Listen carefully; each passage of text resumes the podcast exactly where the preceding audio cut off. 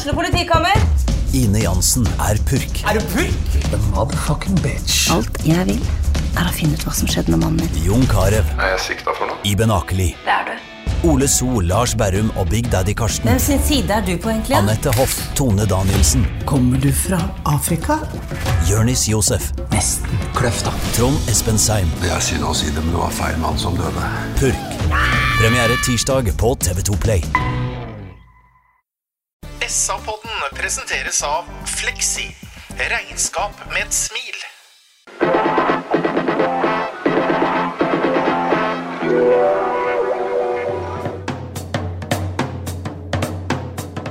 Sarpsborg Arbeiderblad gir deg en ny episode av SA-podden med Sven René Nygård, Øystein Weber, Petter Kalnes og Bjørn Inge Bingen Nilsen.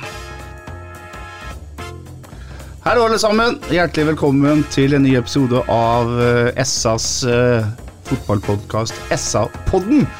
I studio så har vi med oss en virkelig superreserve. Skal vi avsløre navnet hans etter hvert. Men eh, en annen helt, Sven René Nygård, er på plass. Ja, det var dine ord, da, men jeg er i hvert fall på plass. Ja, du Hei. er, eh, God morgen. eh, Edru og nyvaska, som det heter. Ja, edru og nyvaska, gjennomført. Alt er egentlig i det skjønneste orden. Ja. Eh, jeg er veldig fornøyd sjøl, egentlig. Så fint. Vi har også med oss Øystein Veberg, selvfølgelig. Uh, hei, Petter. Jeg har dusja i dag, jeg òg, forresten. Jeg vet ikke om sønnen Har du dusja? Jeg har dusja. Ja. Men, men du snakka om en superreserve. Det er ikke David Fairclough, eller? Nei, det er ikke David Fairclough. Okay. Han er jo egentlig Han var jo en superreserve, men han, han er jo egentlig vår i feil klubb, han, vet du. Ja da, jeg vet det. Men det var han som liksom eh, fikk betegnelsen på 70-tallet. Ja. Superreserve. Ja. Han var ikke så gæren av Solskjær heller, da. Nei da. Nei da. Vi har en, eh, et fravær fordi vår eh, felles venn Bjørn Inge Bingen Nilsen han er i sitt andre hjemland. Det betyr syndens land. Altså han er i Syden, rett og slett.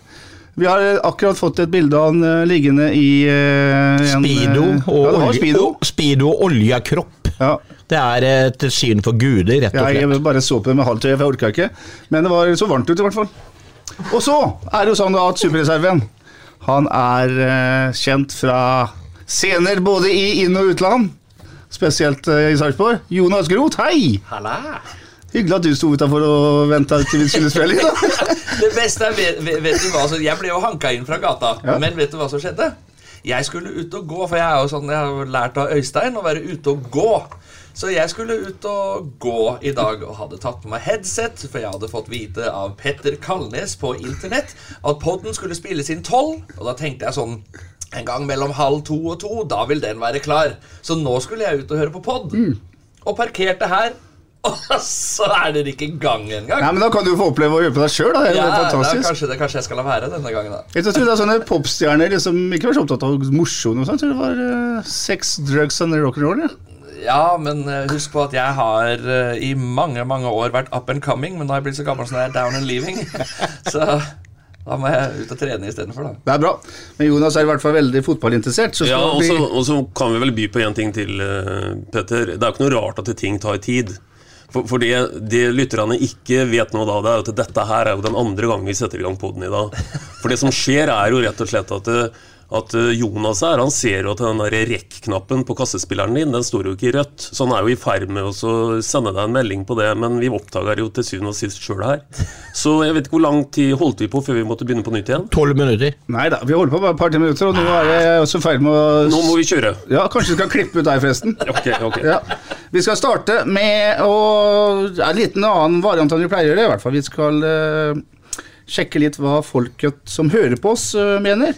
Først og fremst så har eh, en av våre faste ut utenlandske lyttere, nær sagt, eller lyttere fra utlandet, nemlig Morgan Nikolaisen, som kommer fra en flott håndballfamilie i Sarpsborg, men som også er veldig interessert i, i eh, fotball. Han har lurt på om ikke vi snart skal begynne å filme den podden. Og vi kan vel si til Morgan at det kanskje blir en eller annen sesongoppsummering eller noe med bilde. Når jeg Ja, ser med, utover med stillbilde, tenker du? Ja, jeg vet ikke. Når jeg ser utover den forsamlingen her, så vil jeg si ikke gjør det. Nei, hold dere til rab. Hold, deg, hold oss til lyd, Det er tror Det jeg. er. Det er nettopp det han eh, Morgan kommer til å oppleve. Jeg tror ikke vi får noen flere lyttere her, eller seere her hvis vi viser oss for mye, liksom. Det er, Nei. vi har mer enn nok med stemmen, Vi tenker er jeg. best på radio. Best på radio. Geir Myksvold Lande, derimot en annen fast lytter, han har et par spørsmål som vi like gjerne kan ta med en gang. Og da går vi liksom midt inn i matchen. Han eh, spør om eh, vi syns at Sarpsborg 8 ble bedre av å bytte ut eh, Torp og eh, Engvald mot uh, seniorrekka, som man sier, nemlig eh, Fardal Opseth og Molins. Det skjedde jo etter en eh, 50 minutters spill i eh, kampen mellom Vålerenga og Sarpsborg 08. Vi kan jo starte der, Sven. Hva syns du om eh, de byttene som ble gjort veldig tidlig?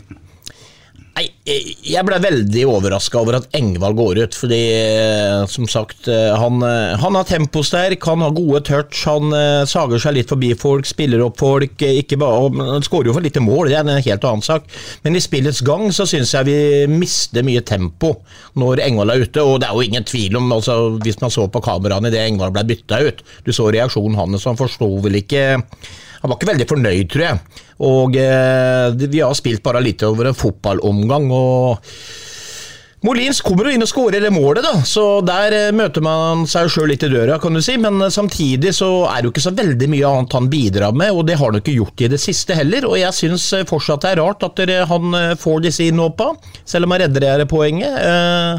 Jeg snakka om at når man først skal slippe til unggutter, så har vi en unggutt i Rakai som kunne kanskje fått noen minutter isteden. Litt senere i kampen på bekostning f.eks. av en Engvald.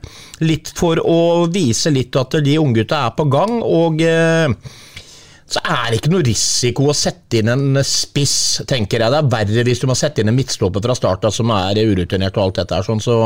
Og Torp, han eh, Jeg må jo si det igjen, jeg syns vel ikke at Torp at slår liksom ikke ordentlig igjen, eh, eller gjennom. Eh, Så det er klart at om han Torp ble bytta ut, det er vel kanskje ikke det verste. Men eh, at Engvald gikk ut, syns jeg var meget rart, og jeg syns vi ble tempofattige. Ja, vi går mer i detaljer etter hvert, men sjøle byttet som Geir spør om, Øystein, inn med det han kaller for en slags veteranrekke. Hva tenkte du? Nei, jeg syns bytta er rart. Uh, Bør ikke brodere så jævla mye lenger på dette her. Jeg syns bytta er rart. Vi bytter oss ned i løpskraft. Da tenker jeg spesielt på Molins mot en Engvald. Engvald, han, jeg vet han hadde skåra bare ett mål i år, og, og så videre, men han bidrar med veldig mye positivt. Ikke minst veldig mye oppofrende øh, løping. Og, og jeg skjønner ikke noe av det byttet. Spesielt så lenge det kommer etter 54 minutter, og ikke etter 74-84. Mm. Uh, så, så det skjønner jeg ikke. Som Sven sier, eh, Jonas Groth, så så vi på ansiktsuttrykket til eh, Engvald at han ikke var veldig fornøyd. Ja, og, og, og det er jo ikke så rart. Jeg, jeg satt selv og var ikke så veldig fornøyd. Jeg tenkte nei, nei, nei, nei, nei, nei, nei, nei, nei, nei, nei, nei, ikke han!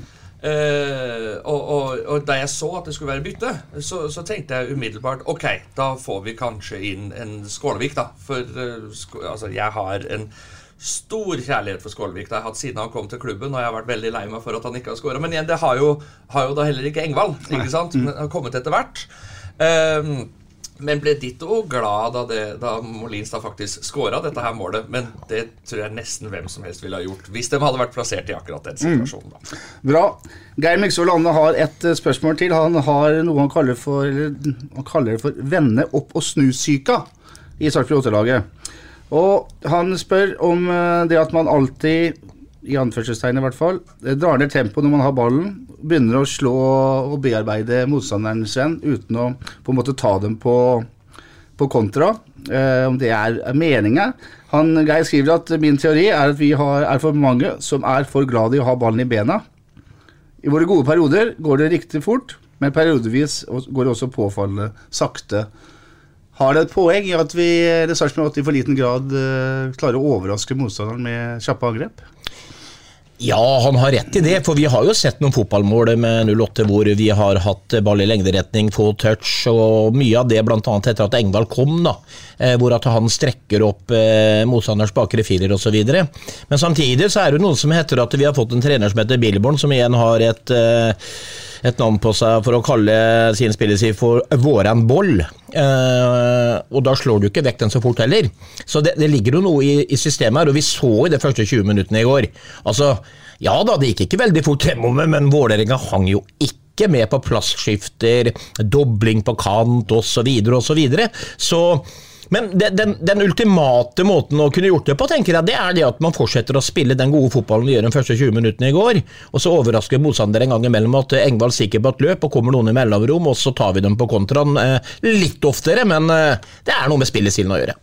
Jeg syns øh, spørsmålet til Geir er øh, kirurg, kirurgisk presist ja, etter en sånn kamp som i, i går, egentlig. For øh, jeg sitter jo med en litt sånn en Mildt sagt en ganske sånn mellomfornøyd følelse. Det er litt rart, det der. For du vet, uavgjort på Intility tar jo i utgangspunktet sju dager i uka. øh, Men du satt jo med en følelse av at vi var jo klasse bedre enn Vålerenga, da spesielt eh, første halvdel av, av første omgang.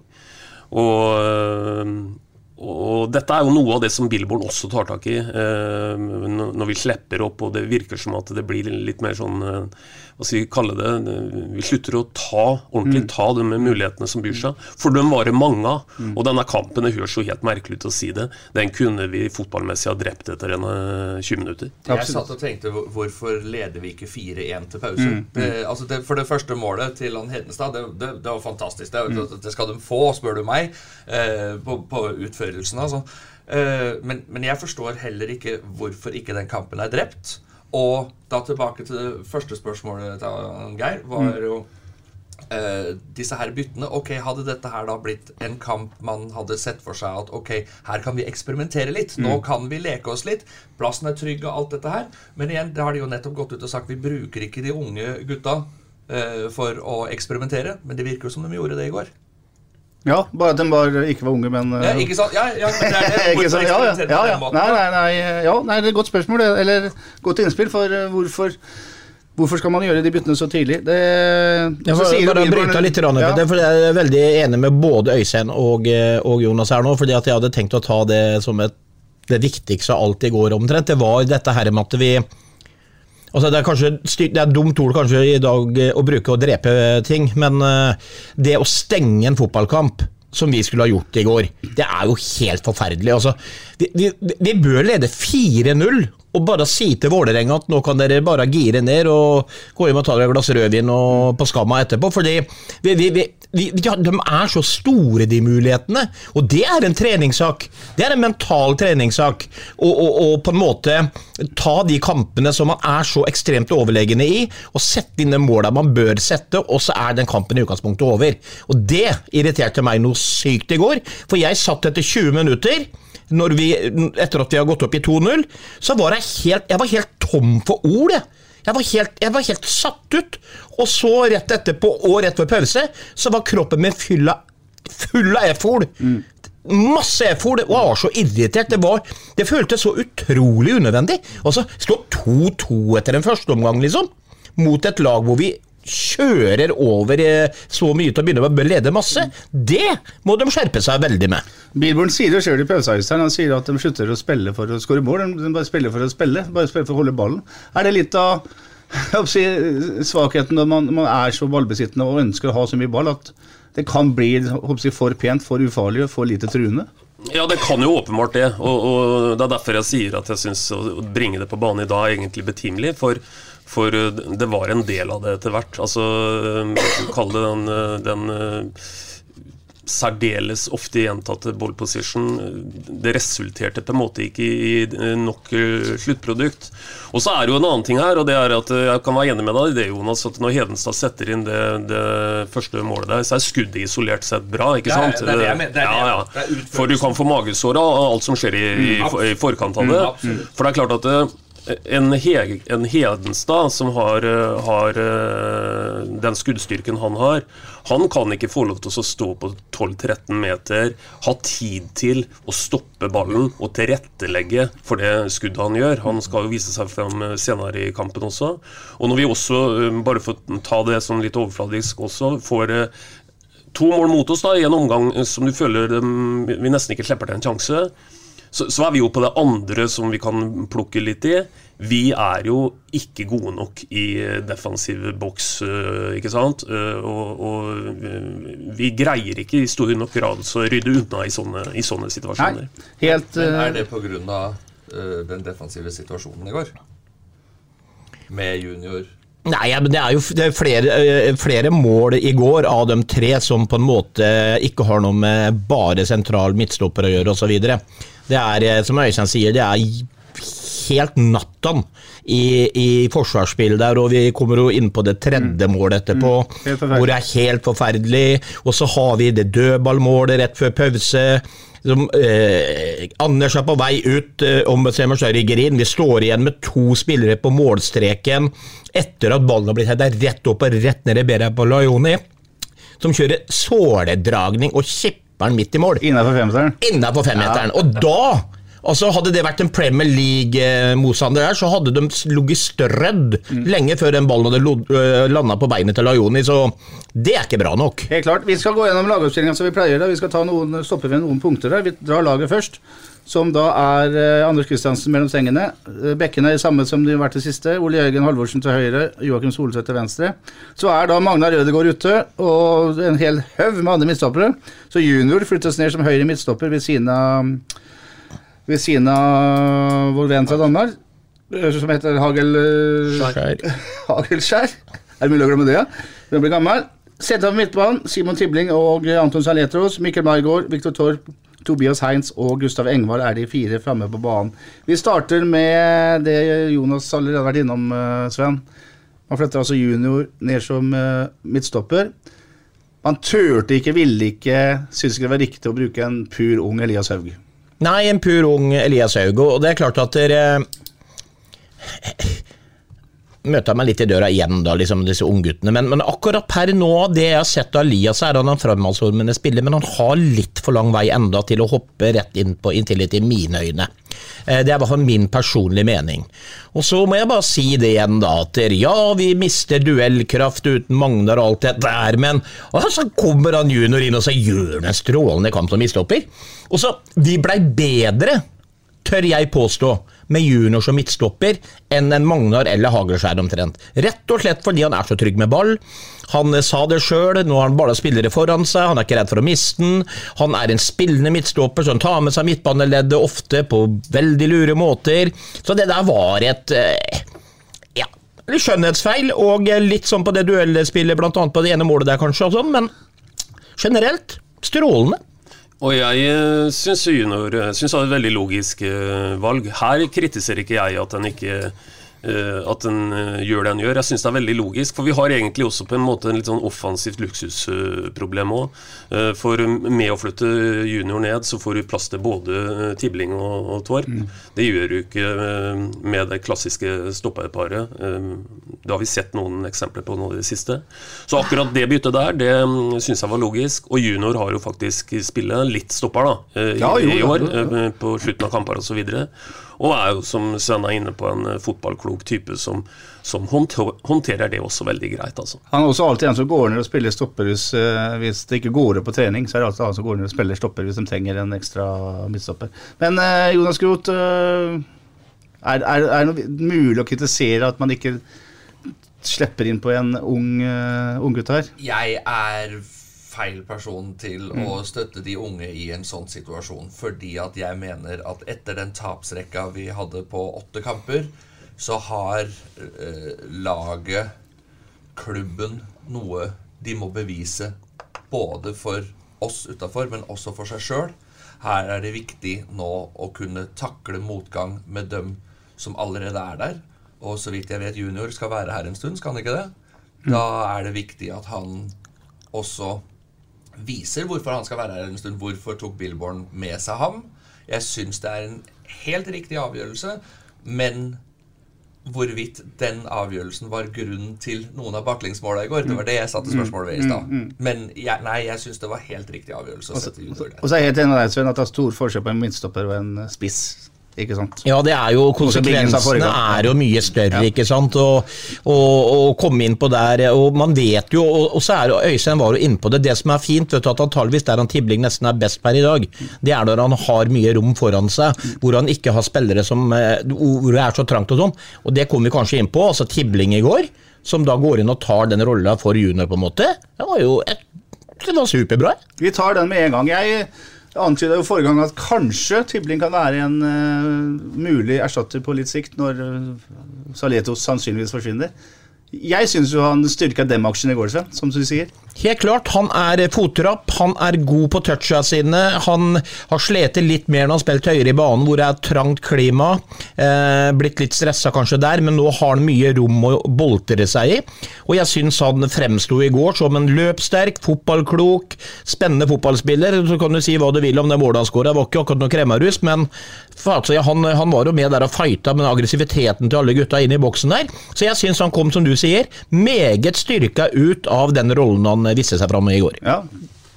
Ja, eneste jeg tenker er jo at øh, øh, Jeg er jo fortsatt der, da, at øh, Saletros erstatter erstatta vi ikke øh, i, i dag. Med dem man har i- Med dem vi har. Øh, det- til det er Saletros på sitt beste for god, er min mening om det.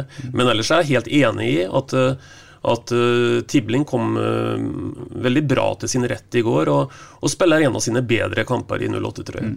Jeg må ta et lite sidesprang når vi har uh, Jonas Groth her. Sidesprang var et fantastisk fint ord. Eh, Nei, vi, gjør ikke det. et lite hopp til siden. Jonas, når du, skal, du setter sammen bandet ditt, og så står dere på scenen, og så er det sånn at du igjen er uh, sjuk.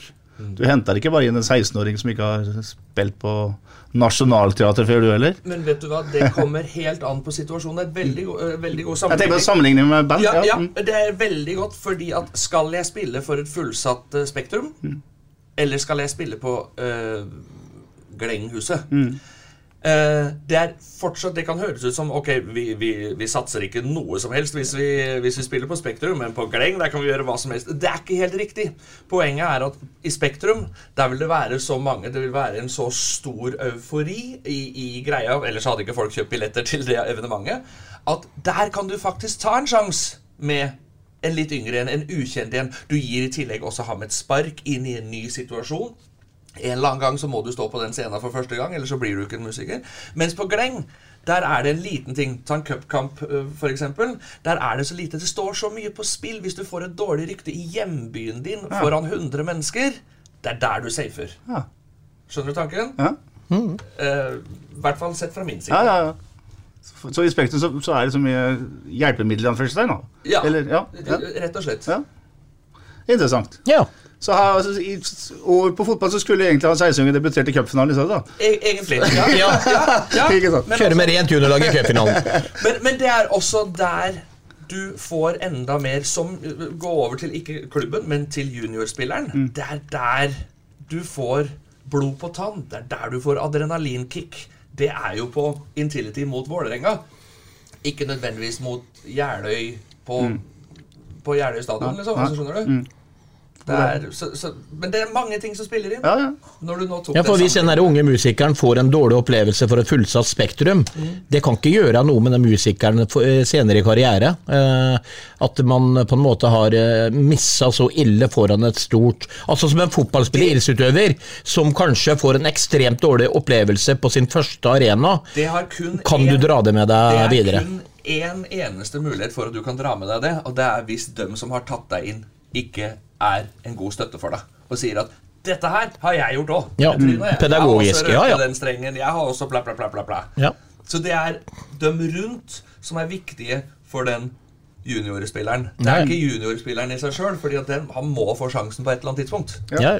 Og Sist vi var i Spektrum, eh, så var det jo en trommeslager som ikke spilte trommer, så det var jo Ja da, men han øh, ja, Men Høgern han klarte seg på andre måter. Klarte seg på andre måter. Herlig. Vi skal Men kan jeg bare si i forhold til det vi faktisk var inne på Det var fryktelig interessant, som Øystein sier, å, å se eh, Tibling og, og Torp sammen. For det ville du ellers bare ha sett i en situasjon der junior var skada eller ute med kort. Så jeg syns det var en super midtbane vi hadde i går. Interessant. Vi, skal, vi fortsetter litt med, med laget, og da er vi på Viktor Torp, som også spiller i den dype spissrolla, offensiv midtbanerolla, Sven. Vi, du sa i stad at du ikke blir du slår ikke helt igjennom. Og jeg ble heller ikke helt klok på den, for jeg syns han var så ekstremt bra i den rolla til å begynne med. Men de siste kampene, siste måneden, så syns jeg ikke han finner seg til rette der. Eh, har du noen forklaring på hva dette er for noe?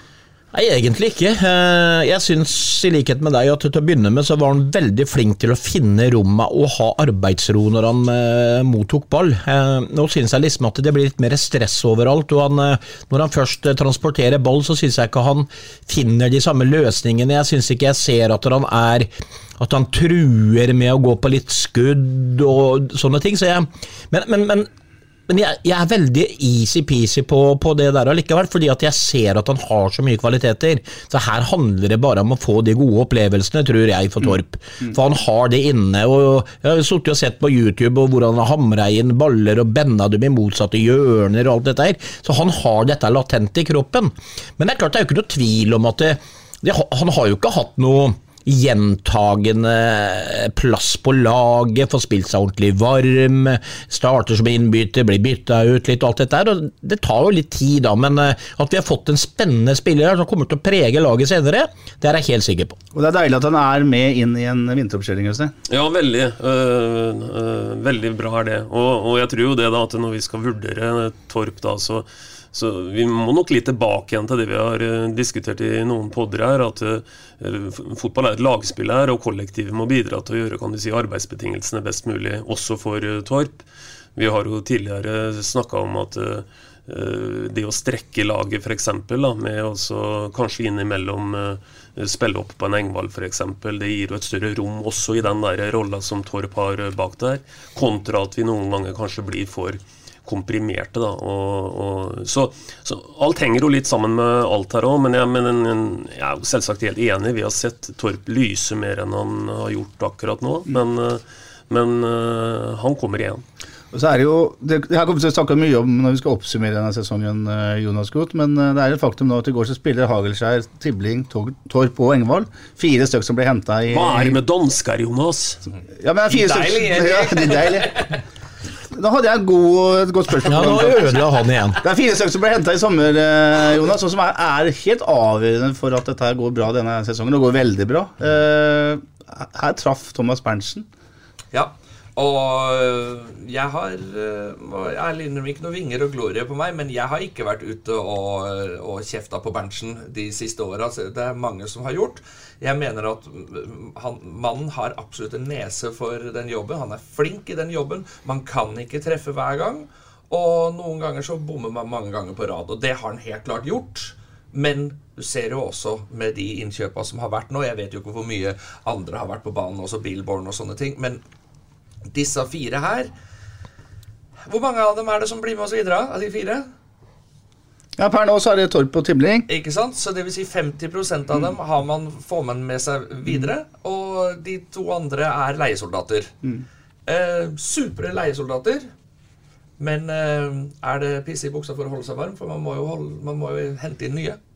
Ja, Så har vi jo en spennende mann i Jan Mogens da, som Ja, ja, eh, skal bli frisk. Som, eh, jeg så jo bare det målet han skåra på rekruttlaget, og det er måten han gjør det på. Det er bare vitner om at det, oi, oi, oi, Du han du er Mogens du òg? Hæ? Nei, Mogensen? Bingen tror jo at han heter Mogens vet du, fornavn. Ja, Nei, ikke fornavn. Men Bingen tror det. Ja, ja, Bingen. ja, Bingen tror du mye. Glistrup, han, Ja, du. ja. Nei da, men, men det, det, du, det du ser av den måten han setter inn de måla sånn på, det er en sånn derre Du ser at den mannen har skåra mye mål og kommer til å skåre mye mål. For vi bare håper, og Jeg syns det er litt fint ja, da, at han ikke ble meldt på i troppen. Eh, nå får han ordentlig tid til å trene opp det kneet sitt, og han får ordentlig komme seg, og er ordentlig forhåpentligvis klar til oppkjøringa. Så tror jeg det her blir spennende. Men eh, tilbake til spørsmålet til, det dumme spørsmålet til Øystein, eh, Jonas. Hva er det for noe med Danmark og Sarpsborg? Du er jo helt dansk. Jeg har eh, Jeg vil anbefale lyttere av podden å gå inn og se på det intervjuet jeg gjør med danskene i forkant av cupfinalen 2017. Det er så artig, og du ser det er vel eh, Andreas Al Albeck Albæk. Ja, ja. eh, så er det da selvfølgelig eh, Matti Lund, eh, Matti Matti Nilsen. Nilsen, og det er Mortensen. Patrick Mortensen. Og så er det han Hva heter han siste igjen, da? Han heter Han lille. ja, han, han spilte jo cupfinalen. Altså Nils han heter jo Ja. I hvert fall det er fire Nei, nei, dansker. nei, nei. nei. Ingen der. Ja, jeg skjøt deg sjøl, nå så Jeg stille her òg. Øystein det. Weber, du er quizmaster. Og han var liten og søt. Uh, uansett, jeg intervjuer dem, og du ser de er så laidbacke, er så glad i eh, det de holder på med. Og det er jo en danske ting. Men så blir Så spør jeg Mortensen hva er den største forskjellen på dansk og norsk fotball? Hvor han sier, med mine ord Det er rart at dere som er sånne vikinger at kampene blir blåst i hjel av dommere på den måten de gjør. For egentlig så er fotballen vår ganske lik, men jeg hadde trodd at her oppe var det lov å kline til litt mer. Så det er vel det danskene liker her oppe, at vi, eh, at vi tilsynelatende skal være litt, eh, litt rå, da. Men så blir de tatt litt på senga av at, at kampene blir blåst i hjel. Men jeg tror danskene er glad i Sarp generelt. Ja, det er, det, er, det er kort reisevei. Det er klart de er det. Det er klart de er det. Ålreit, vi eh, kan starte med en kamp, og da skal jeg rett og slett eller starte med kampen, som vi vet ender 3-3. Men etter 19 minutter, Sven, så får vi en statistikk. Da er det 62,8 ballinnehaver til Sarpsborg 8. Det er 2-0 på skåringstavla. Og Heinz og Tibling har misbrukt hver sin gedigne sjanse i tillegg. Hadde, hadde det vært 4-0, og med det, den prosenten ballinnehav, så hadde det vært en perfekt første 20 minutter av en fotballkamp. Ja, helt perfekt. Og som jeg, jeg sa i stad, jeg var helt tom for ord eh, etter 20 minutter. Og jeg var full av F-ord eh, når det nærma seg pause. Og det er som jeg sa i stad også, vi må hvis, hvis vi skal bli et etablert topplag, så må vi sette av sånne muligheter. Det, det er liksom ikke noen sånn halvsjanser heller. Det er liksom sånn Altså, Tobias som treffer en femøring fra 35 meter eh, oppi en vinkel får fem meter fra på, på volley og setter den rett på keeper, hvor du har begge hjørner leder, liksom. Det er, det, er, det, er ikke, det er helt unaturlig. Så vi må begynne å eh, stenge de fotballkampene. Vi skulle gått til pause i går med ja, si 4-1 eh, og, og vunnet den fotballkampen. Ferdig med det. Det hadde vært helt nydelig. Det er sjelden jeg ser et bortelag ta så kommando på Intility-øvelsen. Ja, jeg satt og tenkte på når ble sist uh, uh, Vålerenga utspilt uh, på den måten her. Og Det var på åpninga av Intility. ja, ja, ja, ja. Til de grader. Det er et godt poeng. Begge de kampene der, Jonas, i, i 2017, vi var jo der Ja, og slo dem i cup- cupen og, og, så i serien. Ja, for uh, det, det er ikke ofte at, uh, at uh, Vålerenga ser så hjelpeløse ut på hjemmebane som de gjorde i åpningen av den uh, kampen her. Og uh, uh, hvis det første målet vi fikk, da, var et klabb og babb-mål, uh, Sven, og det var det jo, så du vet det er dekning for å si at årets mål ble skåra på 2-0. ikke sant? Eh, Hva et flott fotballmål er, kan en jo alltid diskutere. Men dette her er som Egon ville sagt, tima og tilrettelagt. Altså. Så det er helt Ja, ja, ja. Så var det en danske. Det var vanskelig. Den headinga burde vært pensum, som eh, Margot setter inn der. Og han er én centimeter onside. Jeg har sett den reprisa noen ganger. Det er så tima, så det, det er helt Ja. rørende vakkert. Ja. Og så, må jo, så er det jo pensum på passinger fra Soltvedt òg. Ja, det, det er pensum, pensum, og det er gjennomført alt som er. Og, er og, og akkurat der er det ikke noe mottrekk heller, vet du, liksom for en motstander, når pasningen er så klinisk, og når løpet, som Øystein sier, er så klinisk og eh, kommer bak ryggen på det, er en centimeter onside, og headinga er så klinisk, så kan jo verken keeper eller stoppe gjøre noe særlig. Nei, Svein Mathisen sa jo en gang at målet var så pent at det skulle henges på veggen, og det der er jo et av den, eh, den type mål. Kan jeg spørre om en ting om det målet? Vær så god. Fordi at der har fotballfagkunnskapen min er helt ute og padler. For meg så ser det ut som han klarer å skru ballen med huet. Gjør han det? Ja, Han gjør vel egentlig ikke det, men, men det er noe med tyngdekraft og med, med, med retning og sånn som gjør at ballen går i en eh, bue. Den gjør det. Ja, jeg, ja, jeg, ja, jeg, jeg, satt, jeg satt bare og måpa. ja da, han går i en bue, men, men det er nok ikke at han skrur ut fra pannebrasken på, på Maigard, men det har en sammenheng med bevegelse og, og litt sånn fysiske lover å gjøre. Men det er ingen tvil om Det ser en også tydelig på den ene, ene reprisen, hvordan denne er egentlig er eh, Den er jo vinkla tilbake som bare Benzema kan kjøre Ja, kjøre er ki- strålende. nikkeskole. Er Og så har jeg sagt det før, altså dem som har ekstrem ballefølelse, sånn som Heinz, som har heada inn, ikke sant? Maigard med den ballefølelsen, hvordan han bender baller opp i vinkler. De har den følelsen følger med opp til hodet. Så de, de har de, Jeg har jo sett mange utekniske, dårlige midtstoppere. Eh, Petter Kalnes kanskje er en av Nei, det var ikke bare tulla, Petter.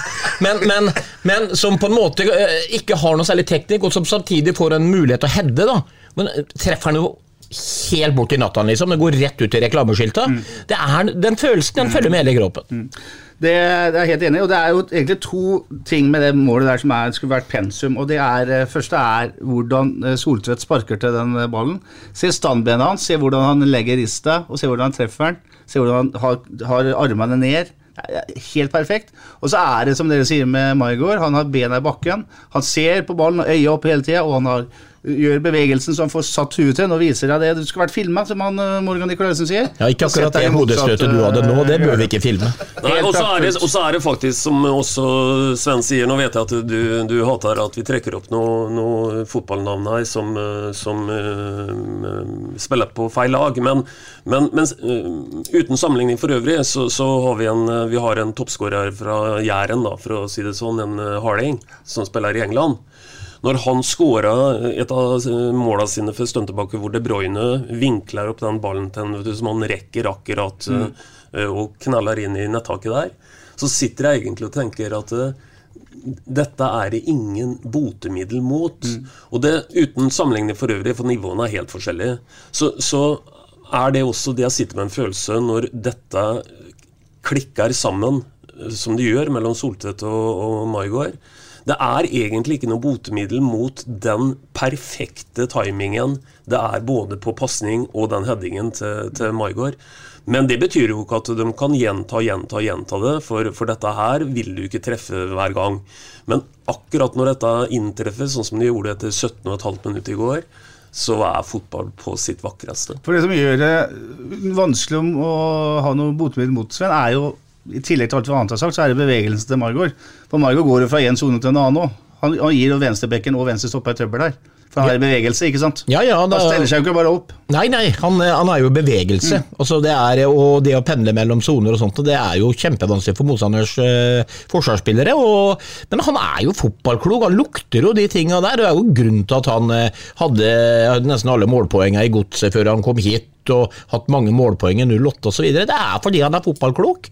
Og han er eh, han, eh, han har jo hatt sine dårlige perioder, men eh, du ser jo nå igjen, når vi så den oppe mot Tromsø, når han liksom får tida på seg og roer seg ned, så er jo han en attraksjon, han, i forhold til det målet han skårer. For han skårer jo nesten bare vakre mål òg, vet du. Han har jo ikke mange lomper han har satt inn gjennom karrieren sin. Nei.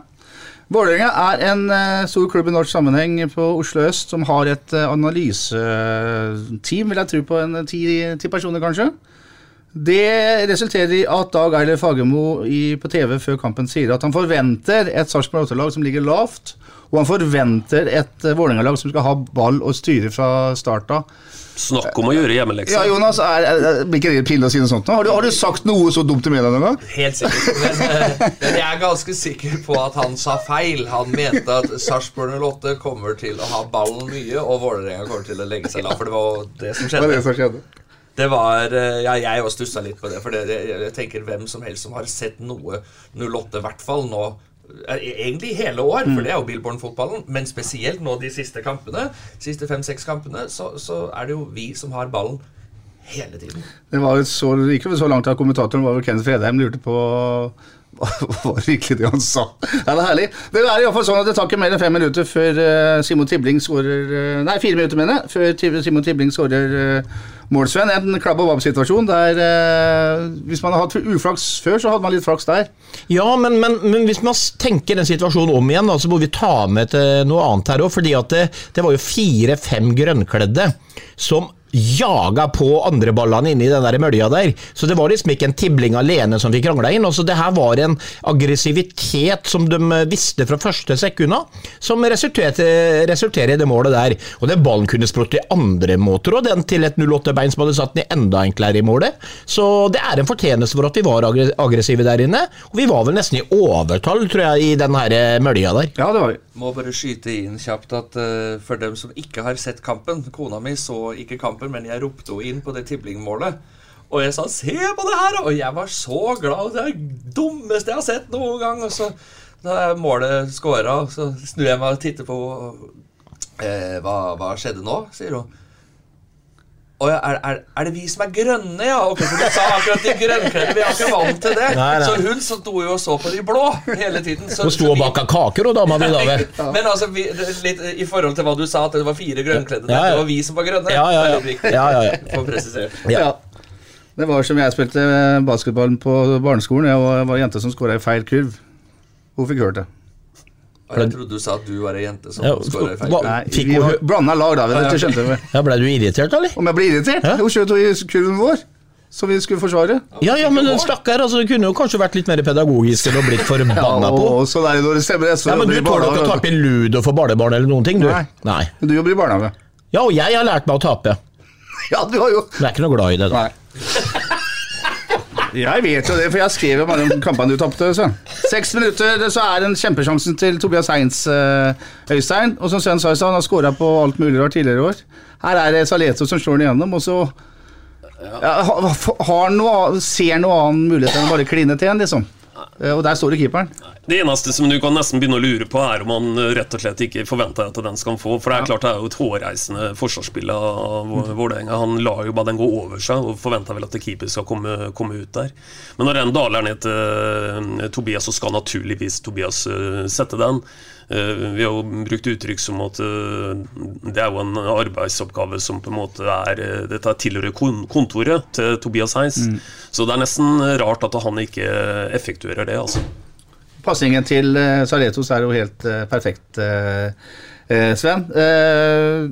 Det ble ikke mål der, så har faktisk Lajoni et skudd fra skudd 12 eh, etter 9 minutter. Og så kommer det en situasjon etter 14 minutter som er som ser faktisk veldig stygg ut. Simen Juklerød, bekken til Vålerenga, eh, sier sjøl at han må stå et eller annet sted på banen når Mikkel Margot kommer springende.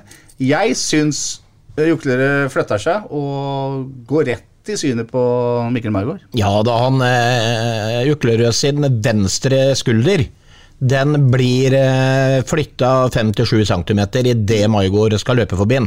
Det er ingen tvil om at eh, Juklerød eh, prøvde å treffe den. Og man ville at han skulle treffe den ordentlig i ansiktet, det er en helt annen sak, men det er klart at han står ikke helt stille der, Juklerød, så Men eh, ja, jeg vet ikke, jeg er jo litt glad i den fysiske fotballen, og jeg mener ikke at man skal jukse sånn, så jeg ser ikke på den. Det er ikke noe som blir snakka om i media så veldig mye Nei, da, det er mer en interferens i ishockey der, fordi han, i og med at han har aktiv skulder, syns jeg. Jeg syns egentlig han er ganske stygg, for det er en helt bevisst handling. Uh, hvis vi ser den uh, i reprise, så er det som Sven sier, at venstre skulder til Uklerød går ut eh, helt bevisst for oss å stoppe. Så, mm, så den, eh, den ser de jo tydeligvis eh, ikke, da. Og det kan jo noen ganger være litt eh, vanskelig, det, så lenge Det er ikke akkurat Du følger kanskje spillet i større grad, da. Så da, da så en ikke akkurat den situasjonen der. Nei. Ellers så må jeg jo si det, Petter, at du, du sier Lajoni kommer til et skudd. Det er jo egentlig eh, beholdningen til, til Vålerenga, for det skuddet der er ganske farlig. Men vi må lære oss å prøve å takle Lajoni, altså. For han, eh, han har kommet sånn mot 08 før, han, og da har eh, materialisert seg inn òg. Så når han kommer i den klassiske posisjonen sin fra ytre høyre der og trekker innover, venstrebent som han er, da må alarmklokkene lyse, Sven. For dette har vi sett før, og det, det der kunne ha feia inn igjen, altså. Ja, og det er, det er klart at dere alle vet jo at Lajoni Vi har skrøt veldig mye av Soltvedt, da. Eh, Soltvedt er fantastisk offensivt, og var i går igjen. Og, men der har han sine begrensninger i tillegg, da. Han er ikke temposterk, og når Juklere, da, eller Juklere sier når Laioni kommer der mot han, ser at når Soltvedt setter bein på feil eller tyngde, så går han innover. Og det er mange fotballspillere som går på. Og der kan jo selvfølgelig noen hjelpe. Mm. Med å på en måte stenge av den banen utover litt. Men det skjer, det skjer vel dessverre også etter hvert, da. At noen skal hjelpe eh, Soltvedt mot Lajoni. Da går Tobias Heins ned og blir to mot én. Da ruller han tilbake til Hedenstad, som vi kommer tilbake til, og der sitter målet. Helt klart. Jeg synes også noe av svakheten Eller Problemet til Solseth er at han ikke tør å gå nærme nok. Altså Han, han oppsøker alle Laioni fordi han er redd for å bli finta. Enig? Ja, ja.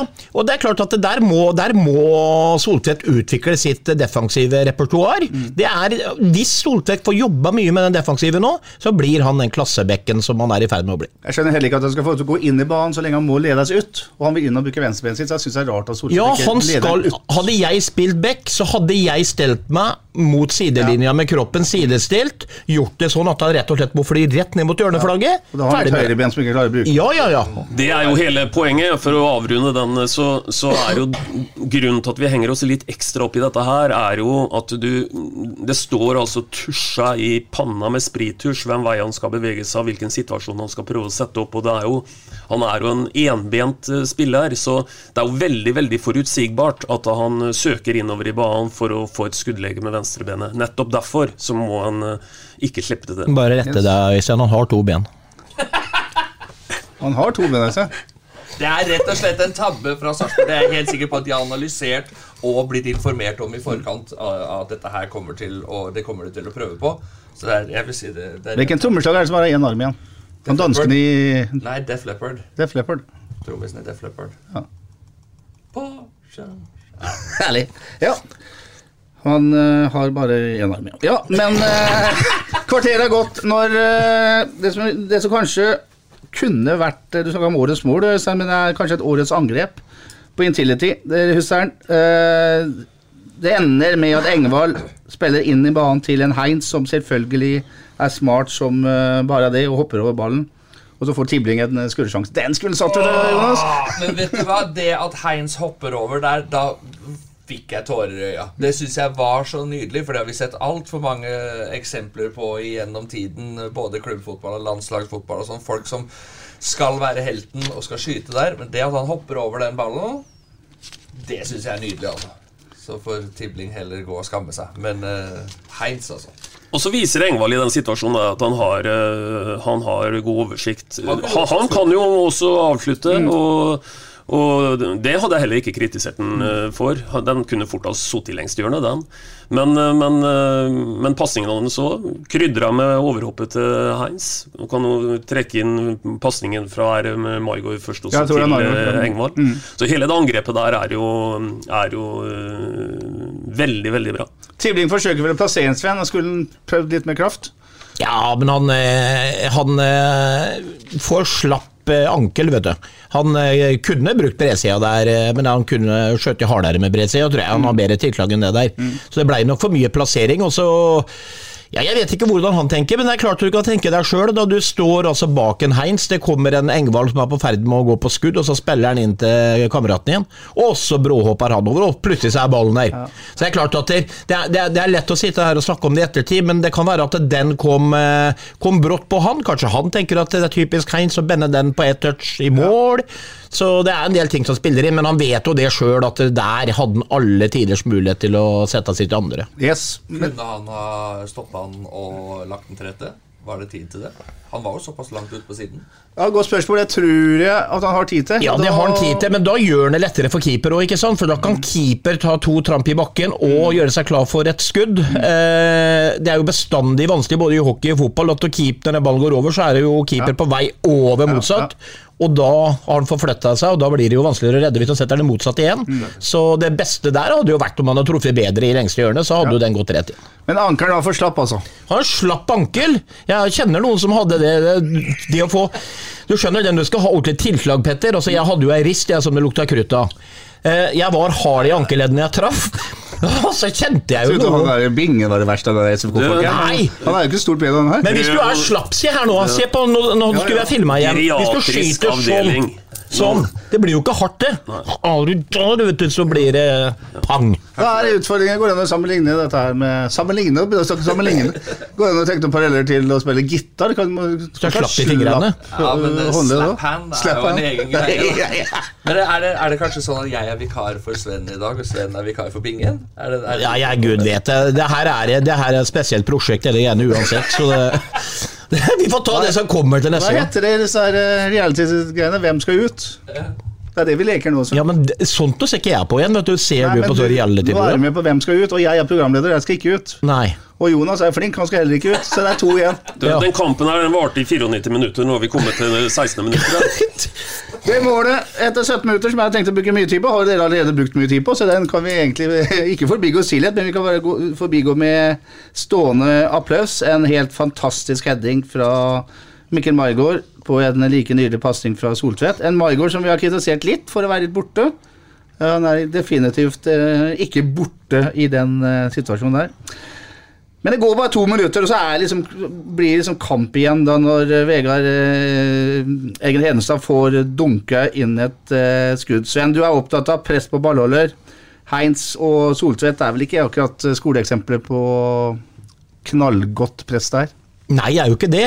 Men det er vel tilbake til skal, Hein skal vel støtte opp litt der da, og, og, prøve å forhindre ting. Og så får jo Hedenstad all verdens tid til å stille innsiktet sitt òg, da. Det, så det, det, det, er jo ikke bra. Eh, Øystein var inne på det tidligere. altså Tenk om vi kunne blitt defensivt solide. For du skjønner det at det, det å være gode offensivt med å tømme laget noen ganger, gjør at man kan bli sårbare defensivt. Men når vi først har mange på plass. Mm. Da er det ikke lenger noen eh, eh, grunn til å si at nei, vi er offensive, så da blir vi litt dårlig defensive der. For der har vi nok folk. De, men de gjør ikke jobben sin. Eh, og det, det, er jo ingen tvil om det at vi har masse små lekre gutter. Han, eh, Tobias Heinz han, eh, han, er jo ikke veldig stor og sterk, han heller, men han er jo en, en offensivt begge god spiller. Det går jo på bekostning av dette her, og junior er innsatsstopper. Vil ikke skylde på han for mye der, selvfølgelig. Men vi blir litt mindre solide i duellspillet. Mm. Men det er ikke noe unnskyldning unnskyldning når vi har overtall av medspillere, at vi ikke skal fange opp de andre. Det er, det er, det er læring, det. Ja, den skulle er, det, sett, uh, er det den farlige 2-0-ledelsen? ja, den er farlig, men den blir uh, Ja, den er, den er farlig. Den er i hvert fall farlig når du får 2-1 med en gang, ja. da, som er det absolutt det vi trengte minst der. Og da har vi jo snakka om den situasjonen. Og Heinz havner egentlig litt sånn i ingenmannsland der. Mm. Uh, og, og, rekker ikke opp i press igjen på Hedenstad. Og, og det beste eksempelet på at at dette ikke er godt nok, det er altså at Hedenstad klinker heller ikke til dem på direkten. Han får tid ja, får, til å ja. tilrettelegge for, for, den kanonkula han sender i vei. Mm. Så, så, så det, det, er ikke godt nok, og det må vi lære av. Det er et sånt uh, type angrep på skudd som hvis, hvis, man hadde sett på hockeykampen tidligere på lørdag ettermiddag, så hadde man sett Sparta-spillere kaste seg inn i den uh, det skuddet der gang på gang, er, der må du faktisk dekke skudd. Så nærme mål er det, etter min mening. Ja. 22 minutter så tar uh, Fagermo ut uh, Odin Thiago Holm. Det er et sterkt uh, signal når du etter 22 minutter tar ut uh, et av de store talentene i Norge. Ja, det er et sterkt signal, og da håper jeg at i hvert fall han har hørt på podden og Jonas som skal backe han som det gikk til helsike for på Spektrum, for å si det sånn. For mm. å ta ut en Odin etter 22 minutter, det er tøft, altså. For det han eh, signaliserer til hele Intility, det er at her har dere syndebukken for dette elendige vi har prestert så så mm. Så, eh, men, jeg, men, han var jo inne på det sjøl etterpå, han, han sjefen sjøl, at han må jo bruke tid på å få bygd han opp igjen ja. og forklare han dette. For den er knalltøff mm. for en ung gutt. Mm. Ja, rundt denne tida her, 25-30 minutter, så kommer Vålerenga mer og mer inn i kampen. Eh, Sarpsborg har én sjanse til 29, der Torp header et innlegg fra Margaard. Eh, løst rett på keeper. Eh, eller så er det et det jeg har skrevet på blokka med klassisk Soltvedt-innlegg etter eh, 35 minutter. Sven. Det blir dunka gjennom uh, hele feltet mellom keeper og midtstopperen til Vålerenga. Men det er ingen som lukter den, ingen som er på den. Der er det litt Det syns jeg skjer litt for ofte.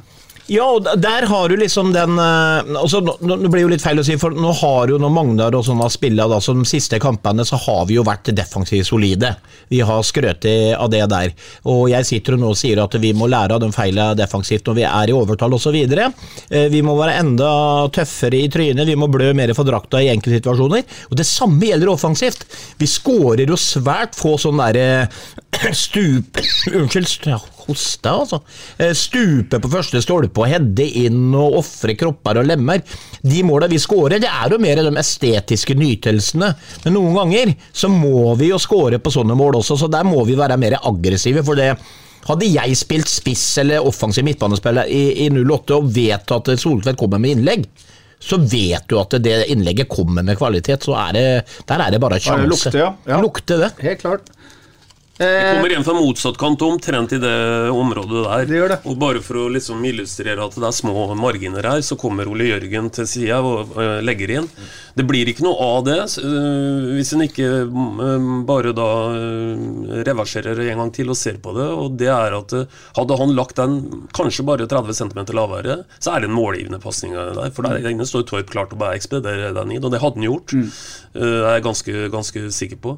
Men, så, så det, er, det, er, små marginer. Dette var en kamp hvor vi kunne skåra mange flere mål. Ja.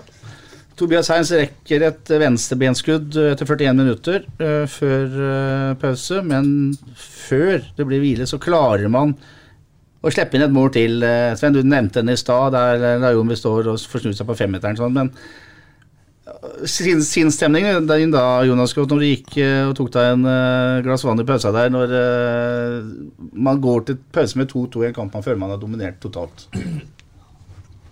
Eh, det minte meg rett og slett om eh, fælt å si det, men det minte meg om en kamp fra eh, dagen før bursdagen min. Jeg husker, faktisk, jeg husker det såkalt 9. mai 2010 i Altahallen, der vi leda 3-0. Og rett før kampen er ferdig, så, så er eh, Eller vi leder av 0-3, heter det. Og rett før, rett før kampen er ferdig, så står det faktisk 4-3 til Alta. Nå ender kampen også uavgjort der, men det var sånn gufs som kom. Hvor det Vi har all kontroll, det er vår kamp, det er våran ball. Alt sammen er så bra. Det her skal ikke skje. Og jeg ble kvalm. Jeg var rett og slett kvalm i pausa. Og så mm, får vi jo på nytt eh, anledning til å bruke kan du si, munnhellet mot spillets gang. da. For eh, etter den første gangen så, så ser jeg på en statistikk at vi har eh, 58,3 i ballbesittelse. Det gjelder ikke fra det 37. til det 44. minutt. Da tror jeg det må være 85-15. Uh, minst. Så, så, så det, er- det er ingenting som på en måte eh, tilsier at vi skal få 2-2 på det tidspunktet, med ett unntak dødball imot. Dødball imot. Jeg må bare si ifra det, Jonas. Jeg husker den kampen sjøl, for da satt jeg og spiste vafler oppe i altalen for jeg kommenterte jeg jo for radioen. Og jeg lurer på om det var 4-4 på dødball med Joakim Jørgensen. Ja, mulig. Og hedda inn med første stolper eller noe sånt. Det var eh, Men- men dramakamp. skjønner- skjønner du Ja, ja, ja da. Men, men jeg, jeg var som sagt full av sånne F-ord jeg da jeg gikk, og fra skum beundring, fordi det føltes bare så ekstremt unødvendig. Og jeg var irritert når vi gikk, opp til tre, ikke gikk til tre og fire. Og så ble jeg irritert når vi kunne slippe inn den og gi dem kampen, og så i tillegg til det målet du kommer til nå. Hysja meg. Ja, det er eh, helt klart. Det er ti avslutninger fra 08 før pause. Fem av dem på mål. Vålerenga har to avslutninger på mål og skårer også to mål, så det er eh, jo effektivt. Annen omgang skal vi bruke mindre tid på, for den er ikke fullt så innholdsrik. Og Sarpsborg 08 er full, ikke fullt så overlegne heller, men Starter omgangen bra, Petter. Jeg legger merke til at det er junior som stopper. Han står oppe på jeg tror 28 meter. Ja. ja, Og er, eh, så så vi, vi starter med et slags sånn hockey-powerplay. Det er Så du tar eh, ordentlig tak i den første, første minutten Ja, helt klart. av annen Det, omgang. det er fem minutter med powerplay der. Det er et Nærmest man kommer, det er et bra skudd av Engvald, men Å, Og det er bra òg. Det er et bra skudd. Absolutt. Så er det Men det går altså ikke mer åtte minutter før man gjør sitt første trekk. Engvold og uh, Torp ut. Kristian Fardal Opseth, Gisje Molins inn. Jeg, jeg, jeg kan skjønne at man vil ha Fardal Opseth på banen, Sven. Jeg kan ikke fatte og begripe hvorfor ikke Fardal Opseth kan gå inn og spille i den uh, Torp-rolla, f.eks. For, for å ha både han og, Fardal, han og Engvald på banen. Eller er det å være altfor offensiv? Nei, også, Det er mulig jeg bommer helt nå, men hvis jeg ser for meg sånn spilletype som Engvald er ja, Han trua ikke, absolutt ikke like mye bakrom i den kampen her som han har gjort i andre kamper. Men han dropper ofte ned som spiss. Er spillbar, tar imot ballen, vender opp, drar av folk. Ja ja, men jeg tror jo da at dere Oppsett kunne gått opp og tatt plassen til Engvald. Jeg tror Engvald kunne vært i et mellomrom der, med det temposterke forflytninga hans, gode dribleferdigheter osv. Jeg tror han kunne utgjort en trussel i den rollen òg, jeg. Tror ikke, selv om han kanskje ikke har spilt noe særlig. Han hadde takla det, tror jeg. Jeg ville hatt Engvald videre på banen uansett, og så hadde jeg heller holdt Molins, som ble målskårer dessverre, holdt jeg på å si, i forhold til hva vi snakker om. Veldig glad for du skåra, Molins, er ikke det jeg mener. Men jeg tror Engvald kunne tatt den rollen der. Hvorfor ikke? Han møter oss som spiss mange ganger, beholder ballen i laget, eh, forfletter seg fort, jobber knallhardt defensivt. Ja. For det er lett å skjønne at man vil ha Fardal oppsett på banen. Fardal som var veldig bra forrige gang, og som har sett frisk ut på trening. Ja, ja, og det er ketsjup-effekt. Han, han, etter at han gjorde det nå, så er jo det en veldig god tanke, og jeg syns han skulle inn. Men jeg hadde beholdt Engevald, og så hadde jeg beholdt eh, Molins på benken. Ja. Eh, Molins, eh, Øystein, de setter inn på han også etter, etter drøye 50 minutter. Eh, føler man at man har et ansvar for å bruke en eh, såpass navngieten, såpass høyt gasjert sannsynligvis, og en såpass stjerne anførselstegn som man er i 8? Jeg håper svaret på det er et klokkeklart nei. Eh, men uh, nei, jeg vet ikke. Uh, skjønner at det spørsmålet kan bli stilt, så lenge, lenge han eh, hele tida eh, får disse innhoppa, og nå da nesten en hel omgang. Så, men, men, men jeg får håpe at det svaret på det er nei. Jeg nøyer meg med det. Kan du tenke Jonas, at det her er et liksom, tegn på at man uh, vurderer å beholde Molins og forsøke å gi en ny kontrakt? Uh, det tør jeg egentlig ikke å spekulere i i det hele tatt. For det er Molins var uh, Han gikk jo på vannet da han kom hit. Og eh, jeg var superglad i den til å begynne med. Så har det jo skjedd noe. eh, og jeg, jeg tør ikke å spekulere i fremtiden hans i 08 i det hele tatt. Men ja, et tegn på det, kanskje. Nå satt du griller i huet på meg, kjenner jeg. Ja. det er ålreit å gjøre.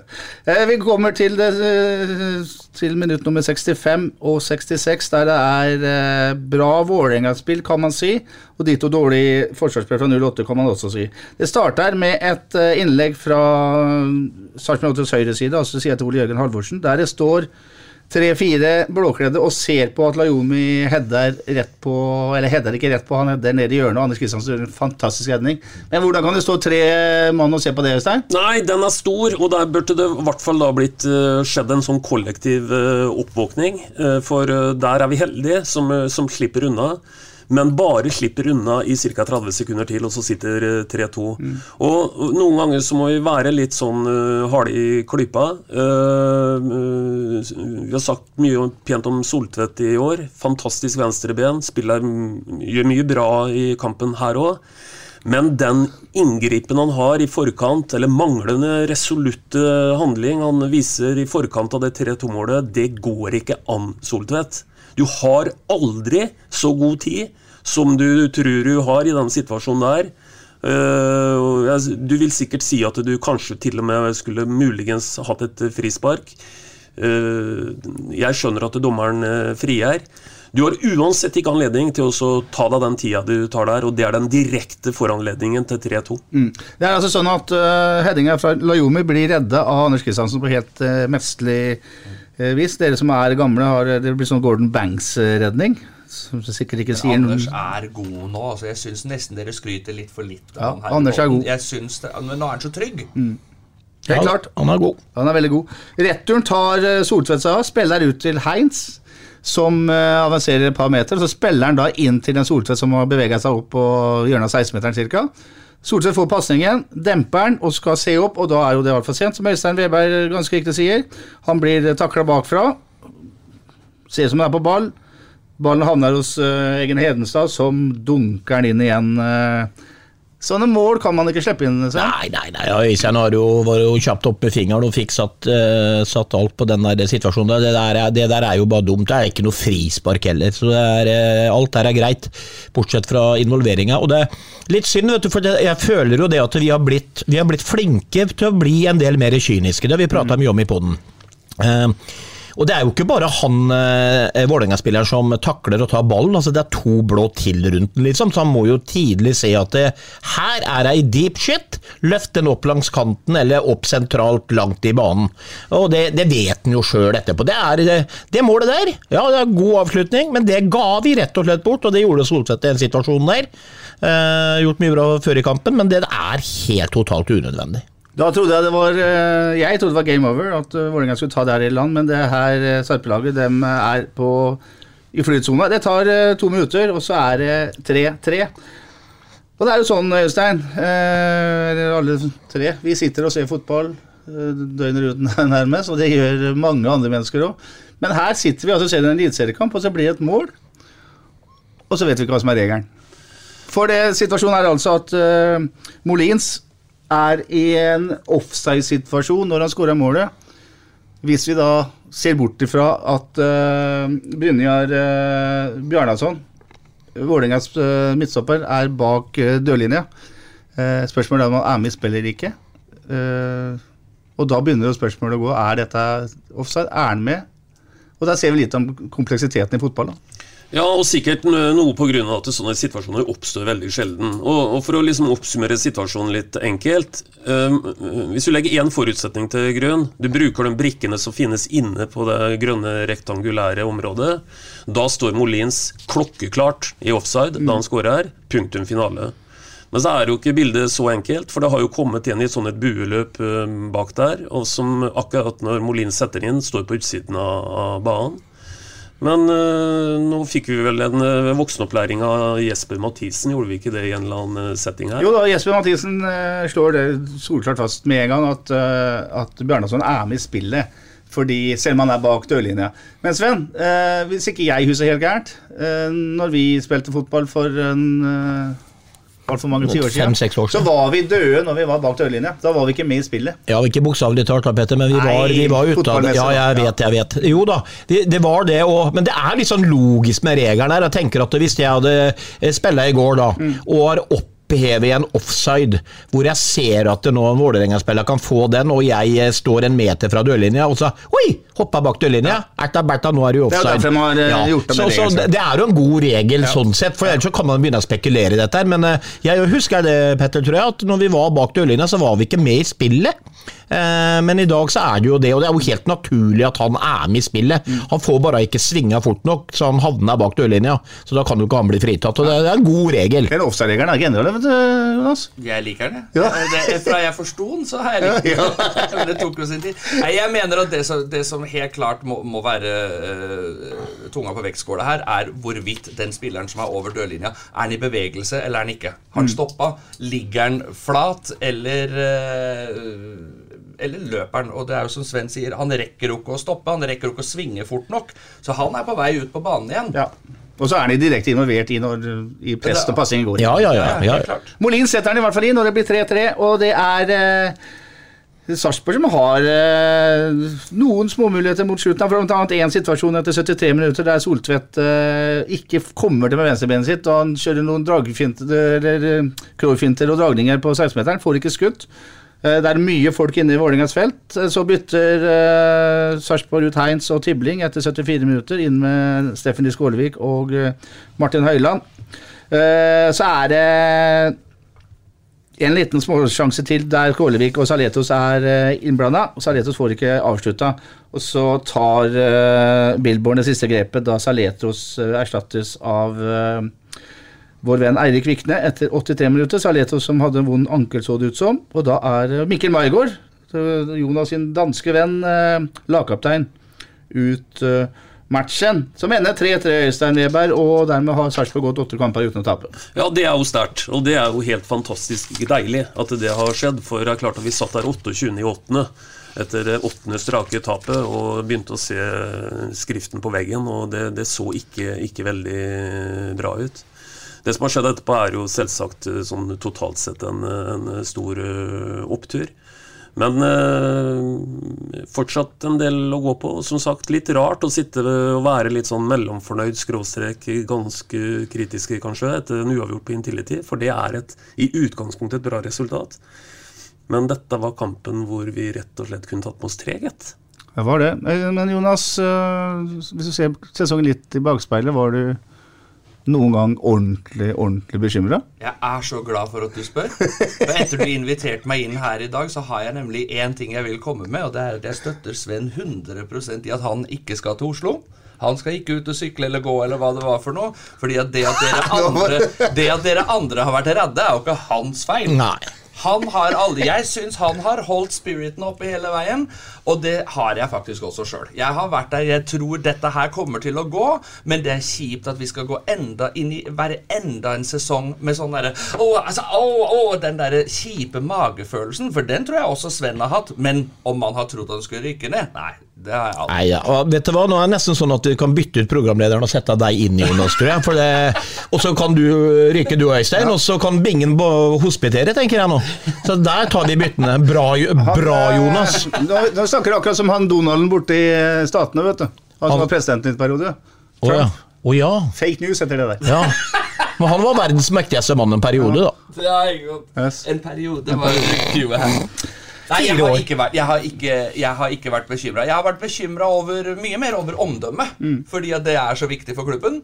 Uh, men jeg har ikke på noe tidspunkt trodd at vi skulle rykke ned. Avslutningsvis, eh, før vi går på overtida, Øystein. eh, Inn i 2017. Nå er det high five og greier i studiet forresten, mellom Nygård Nygaard og Groth. vi Det er, eh, tenker mye likt, vet du. Ja. ja. Dere tenker mye likt. I 2017 så gjorde våre venner i blått og hvitt eh, 49 mål i serien. Eh, Den eh, rekorden er nå slått. Ja. Eh, Og holdt på å si, betyr det at Billborn har levert det han eh, sa han skulle gjøre? Jeg holdt på å si bokstavelig talt. da Vi sa jo det at eh, Han sa jo tidlig at vi vinner heller 3-2 enn 1-0. Og så kunne han jo lagt til det at uh, Håpa kanskje ikke det skulle bli så bokstavelig, i den forstand at vi har jo skåra masse, men også sluppet inn masse. Og Bare for å ta en liten sånn en helt sånn nøyaktig fun fact på det, som er litt fun, det er at eh, vi har skåra fjerder mest i Eliteserien. Bare slått av dem som ligger på gull, sølv og bronse. Men vi har sluppet inn fjerde mest bakover. Bare slått av dem som ligger tre sist i bånn. Er Og det er 52-50 i målforskjell. En helt utrolig målforskjell til, til hva vi har vært vant til her i byen. Mm. Når vi skal oppsummere sesongen og ha en uh, pod-sending på det, så skal vi utfordre Øystein litt med å se litt på tallene og, trekke vekk en åttekampsperiode midt på sommeren blant annet, og se hvordan dette her eh, dette her slår ut. For det er jo en eh, fæl periode midt på sommeren, Sven, som eh, Du ble ikke fornærma når jeg sier at han skal regne og ikke du, eller? Nei, da, sånne ting kan Øystein holde på med. Så han, da, da preker han ikke eller noe sitter og regner, vet du. Da, blir, da blir det helt lugnt. Nei da, det har vært, det har vært en altså, Vi har jo snakka mye om Stare-fotballen. Altså 26-24 målforskjell, eller 24-26, og da er det 52-50. Faen, Tenk så underholdende, gitt. Eh, For en mann i gata som ikke er interessert i fotball òg, må jo elske å se 08-kamper. Er god reklame for klubben uansett. Men selvfølgelig må vi begynne å luke av de her eh, defensive blunderne våre hvis vi skal etablere oss da som et eh, topplag i Norge etter hvert.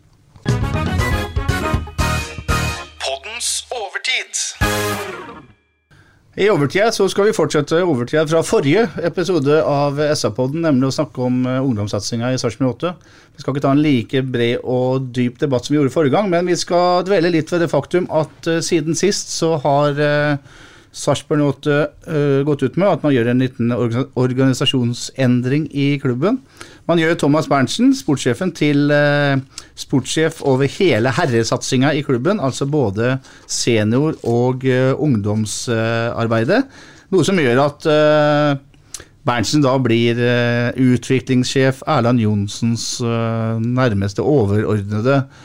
Uh, Øystein, først til deg. Uh, kan du tenke deg litt om årsaken til, til at man har gjort dette her? Ja, det, jeg syns egentlig at uh, det, det høres veldig logisk ut, det de gjør nå. Uten å ta stilling til hvem som er, har god kjemi med hvem, eller uten å ta stilling til folks kalde kompetanse, men bare å se på kan du si, den rene organisasjonsmodellen. Så tror jeg det er fornuftig også spisse ansvarliggjøringa på den måten som en, uh, en gjør nå.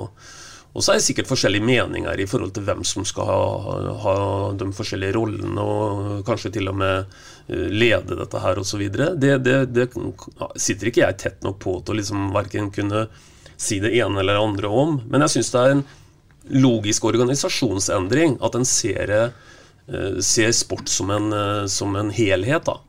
Eh, For vi har jo etterlyst eh, eller Vi har jo mange ganger satt fingeren på at en av kall suksesskriteriene antagelig er at du har en tråd da, som går igjennom hele organisasjonen, og som på en måte, uavhengig om folk er 16 eller 32, uh, har litt det samme tankesett når det gjelder å spille fotball. Og da er det nok fornuftig å å så sette det sammen på den måten de gjør nå.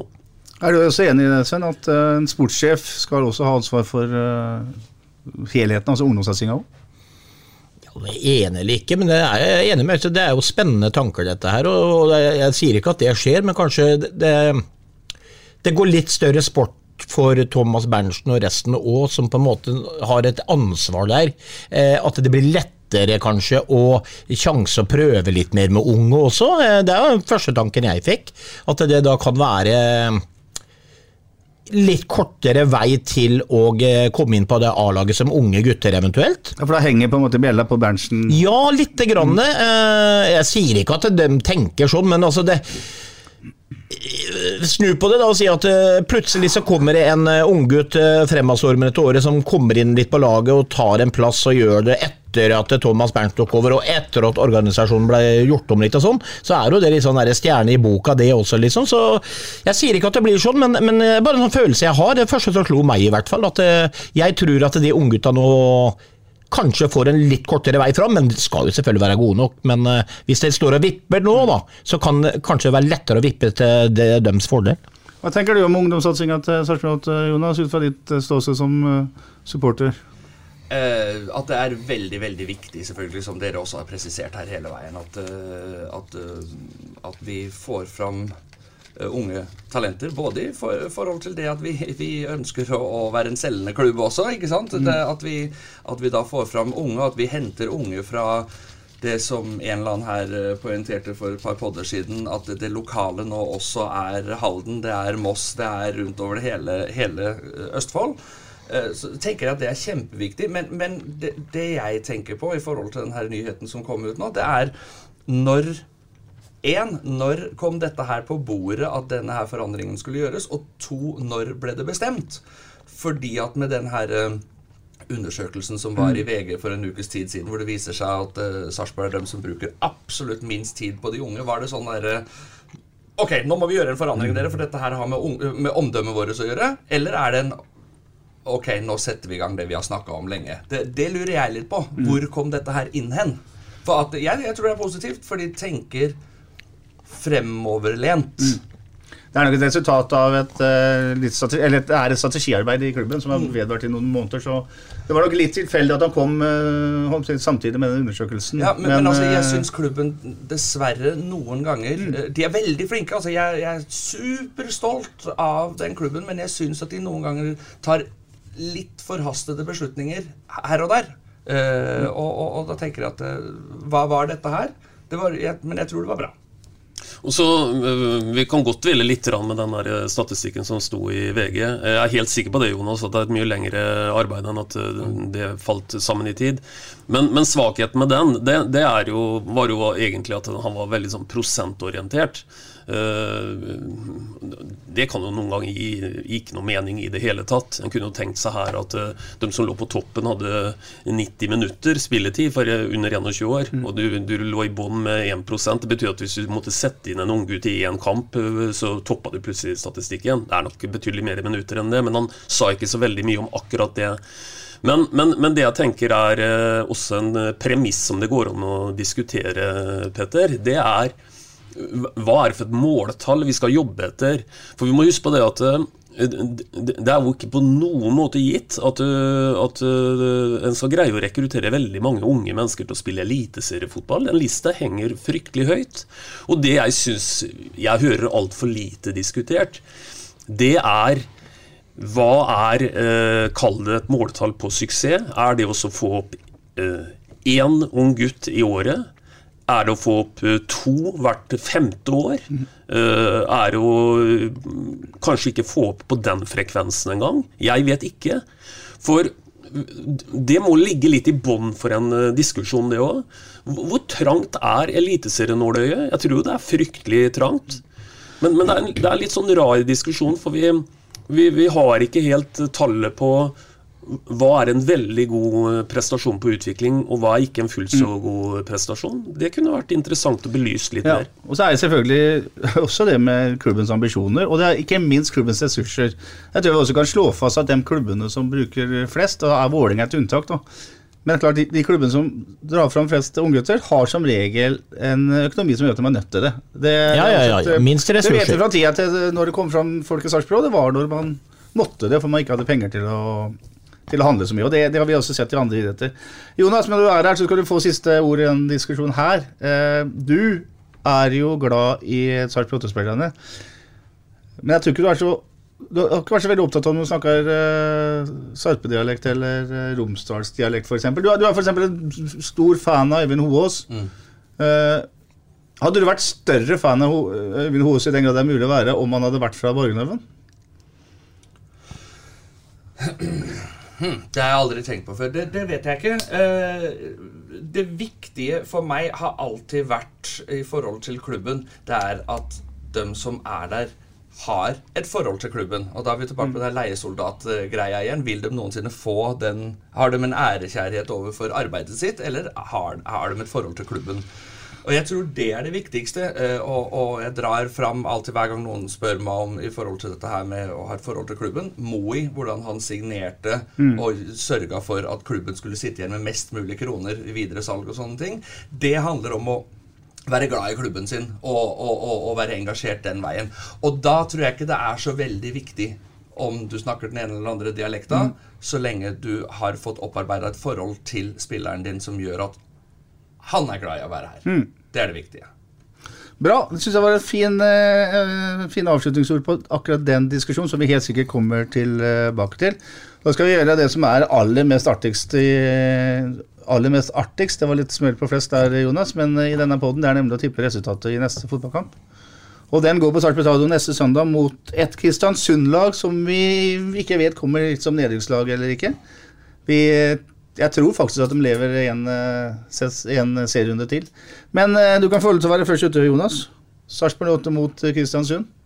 Det blir Ja, vi vinner, men jeg vet verken hvor mye eller noe som helst. Det er ingen rundt i bordet som vet det. Så bare skjær igjennom du, Jonas. De har så kniven på strupa, og kanskje vi eh, med den her 54 minutter-bytta vi hadde denne gangen her, kanskje ønsker å satse litt ungdom. Kanskje vi tryner litt og sånne ting, og det er helt greit. Det her er kampen å gjøre det. Så mot et eh, sånn Kristiansund-lag kanskje vi bare vinner 4-0, da. 4-0 til Jonas Groth. Når jeg sa det er ingen rundt bordet som vet det, så var jeg litt unyansert. Bingen vet naturligvis. Ja, ja. Men nå hadde jeg 3-3-kampen nå vi hadde nå, så nå hadde jeg rett. Eh, 3-3? ja, ja. Eh, nå tipper jeg at vi vinner 3-1. 3-1. 2-0. 2-0. Jeg har snakka med min venn eh, Bingen. Han hadde tid til det mens han lå og sola seg. Og sluttet han å orka å åpne telefon, men eh, han eh, Bingen er enig med at Sarpsborg 8 vinner 5-1. Og at Engvald skårer ett mål. Det er så mye, 5-1, du. det er så mye skudd i blinde her. Jo, men bare for å dvele ved det. 5-1 har vi faktisk slått Kristiansund en gang eh, før. Ja, men Hva har det med Nei, nei, men det, det, det, var, det var virkelig en festforestilling. i Da sånn hadde vi jo med oss han der playboyen fra Gøteborg da. Han eh, som reiste tilbake igjen. Han med lange håret. Hva het han? ja, da? Felix? Nei. Erton. Eh, nei, nei. nei, Nei, nei. ikke han. nei. Lindberg, eller? Jonas Lindberg, ja. Ja, Jonas Lindberg, ja. Ja, fin spiller. Bra. Hvem var det? Ja, var det. Skulle, skulle egentlig gjort så vi tok gullet mot eh, Lillestrøm, da, syns jeg, men eh, det gjorde han ikke. Åh, Oh, ikke snakk om det. Men jeg skal få til å fortelle dere følgende, at selv om det er mye, mye tidlig eh, hukommelsessvikt og Alzheimer i denne podkasten, så, så het midtbanespilleren fra Danmark, som spilte cupfinale i 2017 Nicolai Paulsen. Nicolai Paulsen. Han spilte cupfinale i 2017. Vi sier at dette er bra. En lang eh, podkast er over. Tusen takk for Jonas Groth, til Jonas Groth. Hyggelig. jo, takk. Det var gøy. Så jeg tenker jeg i løpet av vinteren så kanskje blir litt sånn uh, Kanskje du lager en podkast-kjenningsmelodi? Aha. Der satte jeg deg på noe. Dette griller i huet igjen. Det, det hadde vært noe. Takk til deg, Jostein, og ikke Ja. minst til Øystein Oraklet Veberg. Vi er tilbake etter at uh, Sarpsborg har slått Kristiansund med et eller annet uh, antall siffer neste helg. Prekes, da! Vi prekes! Prekes. Prekes. SA-podden presenteres av Fleksi. Regnskap med et smil. Ukens annonsør er HelloFresh. HelloFresh er verdens ledende matkasseleverandør og kan være redningen i en travel hverdag. Mange av oss har nok vandret i butikken både sultne og uten en plan for middagen, som ender med at vi går for de samme kjedelige rettene gang på gang. Middag burde være dagens høydepunkt. Som HelloFresh kan du nå velge mellom 25 ulike retter hver eneste uke, eller få HelloFresh til å sette sammen menyen for deg. Dette gir deg muligheten til å prøve nye og spennende retter alene eller sammen med familien. Du velger antall porsjoner og får alt levert på døren på et tidspunkt som passer for deg. Oppskriftene er enkle, og maten er lett å lage både for store og for små. Ved å få alt levert hjem får du også mer tid til å dele matgleden med familie og venner. Kanskje det frister med asiatiske tacos eller greskinspirert kylling? Da kan jeg anbefale deg om å gå inn på hellofresh.no. Her kan du bruke koden FOTBALL og få opptil 1779 kroner i rabatt på de første fem matkastene hvis du ikke har prøvd Hello Fresh tidligere. Du kan også bruke rabatten hvis du har vært kunde og stoppet abonnementet ditt for tolv måneder siden eller lengre. Gå inn på hellofresh.no og bruk koden FOTBALL. Har du et enkeltpersonforetak eller en liten bedrift? Da er du sikkert lei av å høre meg snakke om hvor enkelt det er med kvitteringer og bilag i fiken, så vi eh, gir oss her, vi. Fordi vi liker enkelt. Fiken superenkelt regnskap.